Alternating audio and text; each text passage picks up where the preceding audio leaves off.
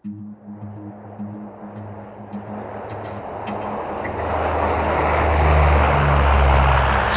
kveld den 6.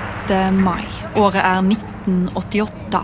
Et Widerøe-fly med 33 passasjerer om bord er på vei fra Namsos til Brønnøysund, ganske så forsinka.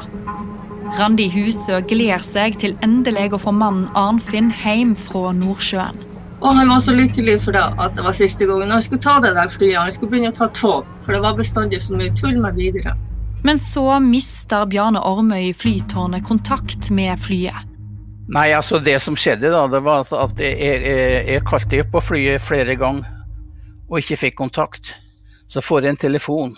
Ja, så sa han da han har hørt en smell. Og da skjønte jeg med en gang hva det var som var, var foregått. Flyet kjører rett i fjellet Torghatten. 36 mennesker mister livet i det som er den verste flyulykka i Nord-Norge.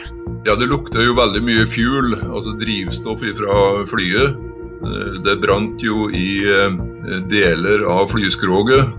Man så også omkomne som lå blant bagasje og eh, det sundrevne skroget på flyet.